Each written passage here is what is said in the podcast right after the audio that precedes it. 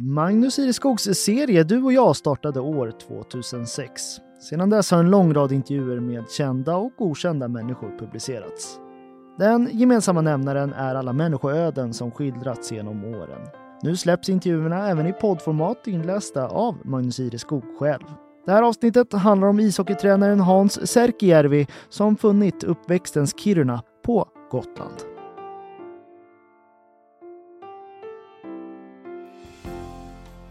Kirunasonen Hans Särkijärvi är tränare för Visby Romas ishockeylag. Men han är människa också.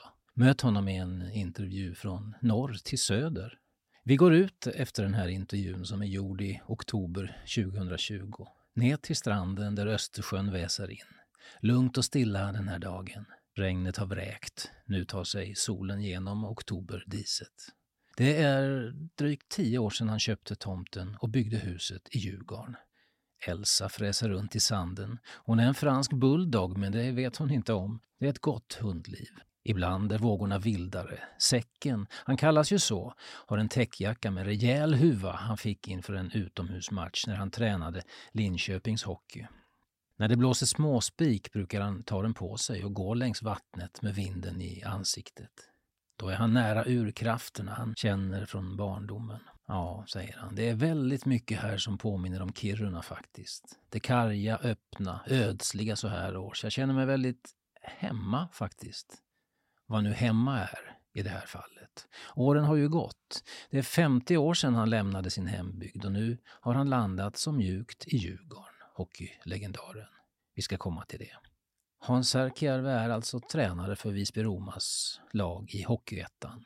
Med lugn och kunnande står han i båset och lotsar laget genom seriespelet. Men det här är i första hand ingen intervju om ishockey. Det lämnar vi till sporten. Det är en intervju om livet. Om honom och hustrun Karin, Stockholmstjej med rötterna i Jämtland, som slog sig ner i Djurgården. De har för all del lägenhet i Hammarby sjöstad i Stockholm också. Det är Stockholm som med tiden blivit säckens stad. Han värvades av Djurgården som 18-årigt hockeylöfte. Det var 1975 och har sedan dess haft huvudstaden som bas. I vilka orter han än verkat som spelare och tränare har han aldrig helt lämnat Stockholm. Men nu, det är en annan tid nu. Stockholm har blivit stökigare, säger han. Det märks att fler flyttat in. Det är en annan stämning än det varit förr och ja, jag skulle kunna göra av med lägenheten där och flytta hit på riktigt. Kanske blir det så en dag. Hustrun är två år yngre och när hon slutar jobba så... Vi får se hur det blir, som han säger, säcken. Men här i Djurgården finns allt jag behöver. Karin jobbar fyra dagar i veckan och kommer hit så ofta hon kan. Det här har blivit vår plats. Den är helig på ett sätt. Här kan vi få ro. Vi ska tillbaka till Djurgården och även till hustrun Karin i den här intervjun, men först bakåt i tiden. 150 mil uppåt i landet. Kiruna i skiftet 50-60-tal. Det var där han föddes och så småningom växte upp säcken. Ljusa somrar, mörka, vita, kalla vintrar, en kanal på tvn och i hans värld kretsade allt kring ishockeyn. Skrillorna på så fort det fanns möjlighet, rakt blad på träklubban, uterink med Karlavagnen högt där uppe och liret som tog slut först när mamma ropade mat. På orten var derbyna mellan AIF och IFK riktiga holmgångar på Mattojärvi idrottsplats. Smockan i luften, alltid på gränsen. Arbetarna mot ingenjörerna, tand för tand, som i så många städer. Smågrabbarna hade sina egna derbyn på gatorna.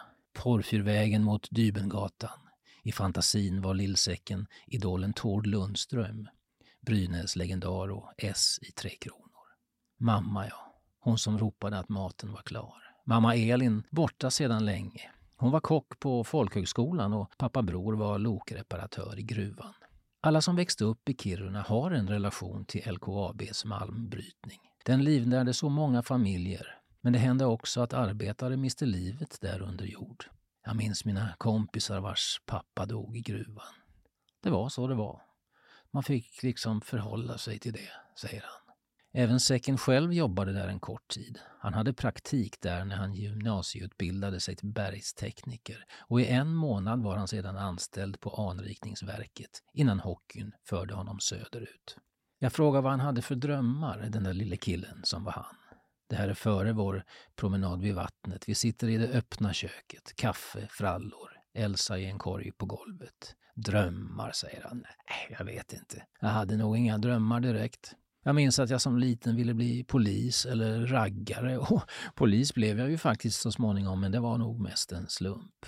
Raggare då? Har du haft någon amerikanare? Nej du, skrattar han, inte ens i närheten. Men att växa upp som du gjorde, vad har det gjort med dig som person, tror du? Han funderar en stund. Det gör han ofta. Jag har nog lugnet i mig, säger han. Jag vet vad jag vill och vad jag kan. Och det har såklart hjälpt mig framåt. Som 18-åring lämnade han alltså hembygden i norr och har sedan dess aldrig återvänt. Nu är det tio år sedan han senast var där, i samband med en ishockeymatch. Allt han har kvar, förutom sina minnen, är en syster. Även själva staden är på väg att försvinna. Den flyttas för att ge plats åt malmbrytningen. Han har sagt åt syrran, säger han, att flytta därifrån. Kanske till sonen neråt kusten. Ska du bo på en byggarbetsplats i resten av ditt liv? Men det gör honom också lite nyfiken. Den där närmast osannolika stadsflytten. Ja, jag skulle vilja upp dit och se hur de gör. Vad som händer med staden, men det blir aldrig av. Vi har sagt det i flera år nu, jag och frugan, men vi åker hela tiden hellre hit. Gotland drar mycket mer. Men du, Börje Salming, Kirunason han också ju, pratar ju alltid så lyriskt över Salmi by och starka känslorna för hembygden. Du låter inte på samma sätt. Nej, säger han. Jag var aldrig intresserad av jakten och fisket, inte som han. Mamma och pappa var från Tornedalen och drogs ditåt på gamla dagar, men jag känner inte den längtan, det gör jag inte. Nåväl, det var ishockeyn som kom att bli hans liv, så låt oss göra en skiss över karriären. Tämligen diger för alla som känner hockeyns koder. Från moderklubben Kiruna AIF till åtta elitseriesäsonger, det som numera heter SHL, med Djurgården. Därefter sex säsonger med Södertälje SK. 489 matcher i högsta serien och spel med Tre Kronor. Hans tränar-CV skäms inte heller för sig. 2001 tog han sin första klubb och har sedan dess coachat såväl Södertälje som Skellefteå, Djurgården och Linköping i högsta serien. Med allt vad det inneburit av ris och ros och rubriker. På en svartvit bild i tidningens arkiv syns Säcken fira ett av sina två SM-guld ihop med Peter Ekroth och Anders Masken Karlsson. Bilden är från 1985. En lång säsongs slit med Södertäljes S på bröstet som kröntes med en gyllene medalj. För en stund stannade hela världen upp. Men snart snurrade den åter som vanligt. Det är märkligt det där. För de där gulden betyder ingenting. Nej, säger säcken, tar en mun ur sin kaffekopp, skakar på huvudet. Ingenting. Det var stort och ärorikt då. Stolt såklart att ha varit med om det och vinna SM-guld, men nu, nej. Jag har medaljerna någonstans, men jag skulle inte kunna hitta dem om du frågar. Det är inte viktigt. Men å andra sidan, säger han, så vet han hur svårt det är att då nå den yppersta nivån. Det har han med sig i sin roll som ledare. Varje kväll predikar han vikten av noggrannhet och disciplin för sina spelare i Visby-Romas ishockeylag. Det som betyder något är istället upplevelserna, resorna, vänskapen, den livslånga, med såväl med som motspelare. Att träffas i ishallarna, byta några ord om spelsystem och dagsform, men också om livet i stort. Hur är det? Hur har du det? Minns du? Det är många idrottare som efter karriären säger att resultaten inte har något värde. Så vad är det då som betyder något? Han berättar om barnen. De elva barnbarnen säger att ha ett bra liv och bra umgänge, att ha sina nära och kära, det betyder något.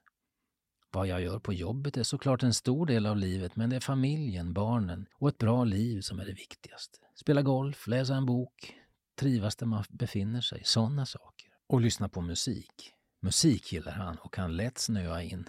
En kompis blev en gång så evigt trött på att säcken alltid spelade gruppen Chicago i bilen, så denne vevade helt enkelt ner rutan och skickade kassetten åt helvete. och omklädningsrumsmusiken, den stenhårda, den som killarna i laget dånar på med, den ger han inte mycket för. Vilken jävla musik, säger han. Vi växlar över här till några frågor som huvudpersonen sällan eller aldrig fått i intervjuer. En idé från eh, podcasten Värvet som vi helt fräckt lånat. Nämn någon utanför hockeyn som du sett upp till. Ja, det måste vara mina föräldrar. Ingen annan har kunnat mäta sig med dem. Även om de var de töntigaste som fanns under en period, men så tyckte väl ungarna om mig också kan jag tänka. Hur gick det sist du var hos tandläkaren? Jag fick laga en plom, men annars bra. Vilken stad förutom Visby, Stockholm och Kiruna har du ett särskilt förhållande till? Linköping tyckte jag väldigt mycket om. Jag var där i två år. Där skulle jag kunna tänka mig att bo. Faktiskt. Universitetsstad, mycket rörelse, Stångån som rinner genom stan. Där trivdes jag. Berätta om ett tillfälle när du släppt sargen. Det var när jag träffade Karin. Vi hade båda varsitt förhållande bakom oss. Nu satsade jag igen och nu har vi komperat ihop i 20 år och givit varandra utrymme. Ibland säger hon att hon hatar hockey, men det gör hon inte. Jag tror till och med hon kan reglerna. Vad är du rädd för? Att bli ett paket, det skrämmer mig. Och när man har så många barn och barnbarn som vi, det är en ständig oro faktiskt att något ska hända dem. Rekommendera något, vad som helst. Gå upp i tid på morgonen så du hinner äta frukost i lugn och ro. Det gör dagen så mycket bättre.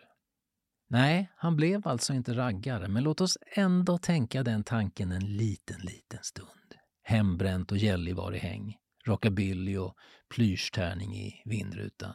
Varv på varv runt Kiruna. Säcken skanderades ”Vi vill ha motorgård” och baksätets läderklädsel fyllt med brudar. Så, nu har vi sett den bilden. Men polis blev han, gjorde sin sista tjänstgöringsdag 2003. Mestadels verkade han som närpolis i gamla Enskede och Skogås-Trångsund. Det var fina 90-talsår. God kontakt med ungdomsgängen och möjlighet att verka där brotten begicks. Nog hände det att det förekom vapen, men aldrig, säger han, aldrig som idag. Det är som vi har konstaterat en annan tid nu. Men jag är glad att jag haft polisjobbet. Under alla år jobbade jag vid sidan av hockeyn och trivdes alltid lika bra. De var på semester på Gotland, Säcken och Karin. Fast hon kallar honom förstås Hasse. Tio år tidigare hade de träffats i jobbet, han alltså polis, hon inom Huddinge kommun. Nu hyrde de ett hus vid Herta, det var 2010, och båda fick en omedelbar känsla för ön. För Säckens del var det betydligt ljuvligare än när han första gången var på Gotland, 1975, med juniorlandslaget. Svinkallt, blåst genom märg och ben, fast, säger han, jag var väl för tunt klädd. Så vi åkte tillbaks snart igen, fick nys om den här tomten och slog till. Sen vi byggde har vi varit här all ledig tid. Ja, men berätta om den här platsen då. Berätta om Djurgården. Ja, det är fantastiskt. Helt enkelt fantastiskt. Nära till havet, restauranger på somrarna, lugnt och stilla så här års. Jag trivs alldeles utmärkt. Och att vi dessutom är lediga när vi är här spelar såklart roll.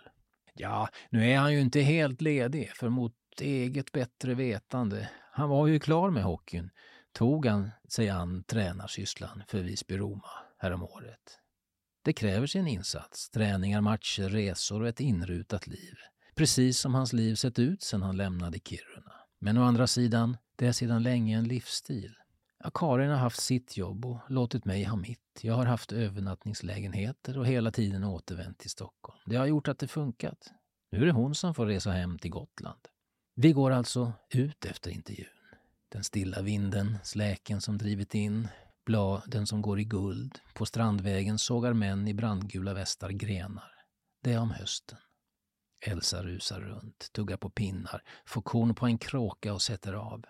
Vid Sjöviksgården ligger bastun. Den är coronastängd nu, men annars är det ett vattenhål. Ja, för all del även platsen för en och annan malt. Lördagar klockan 17 är en helig tid. Då får man veta vad som händer i bygden. Det är oerhört fint, säger han. Det ska mycket till innan jag missar lördagsbastun. Det här är hans verklighet nu, 150 mil från förr. Men när vinden tar i, stormen, när vattnet fräser in och när mörkret faller och ingenting annat hörs än vidderna, de vilda. När det är så, då är det nästan som en hälsning från en helt annan tid, längre uppåt landet. Ja, gillar du också Magnus Ireskogs intervjuserie Du och jag så finner du fler avsnitt på helagotland.se under poddar och program.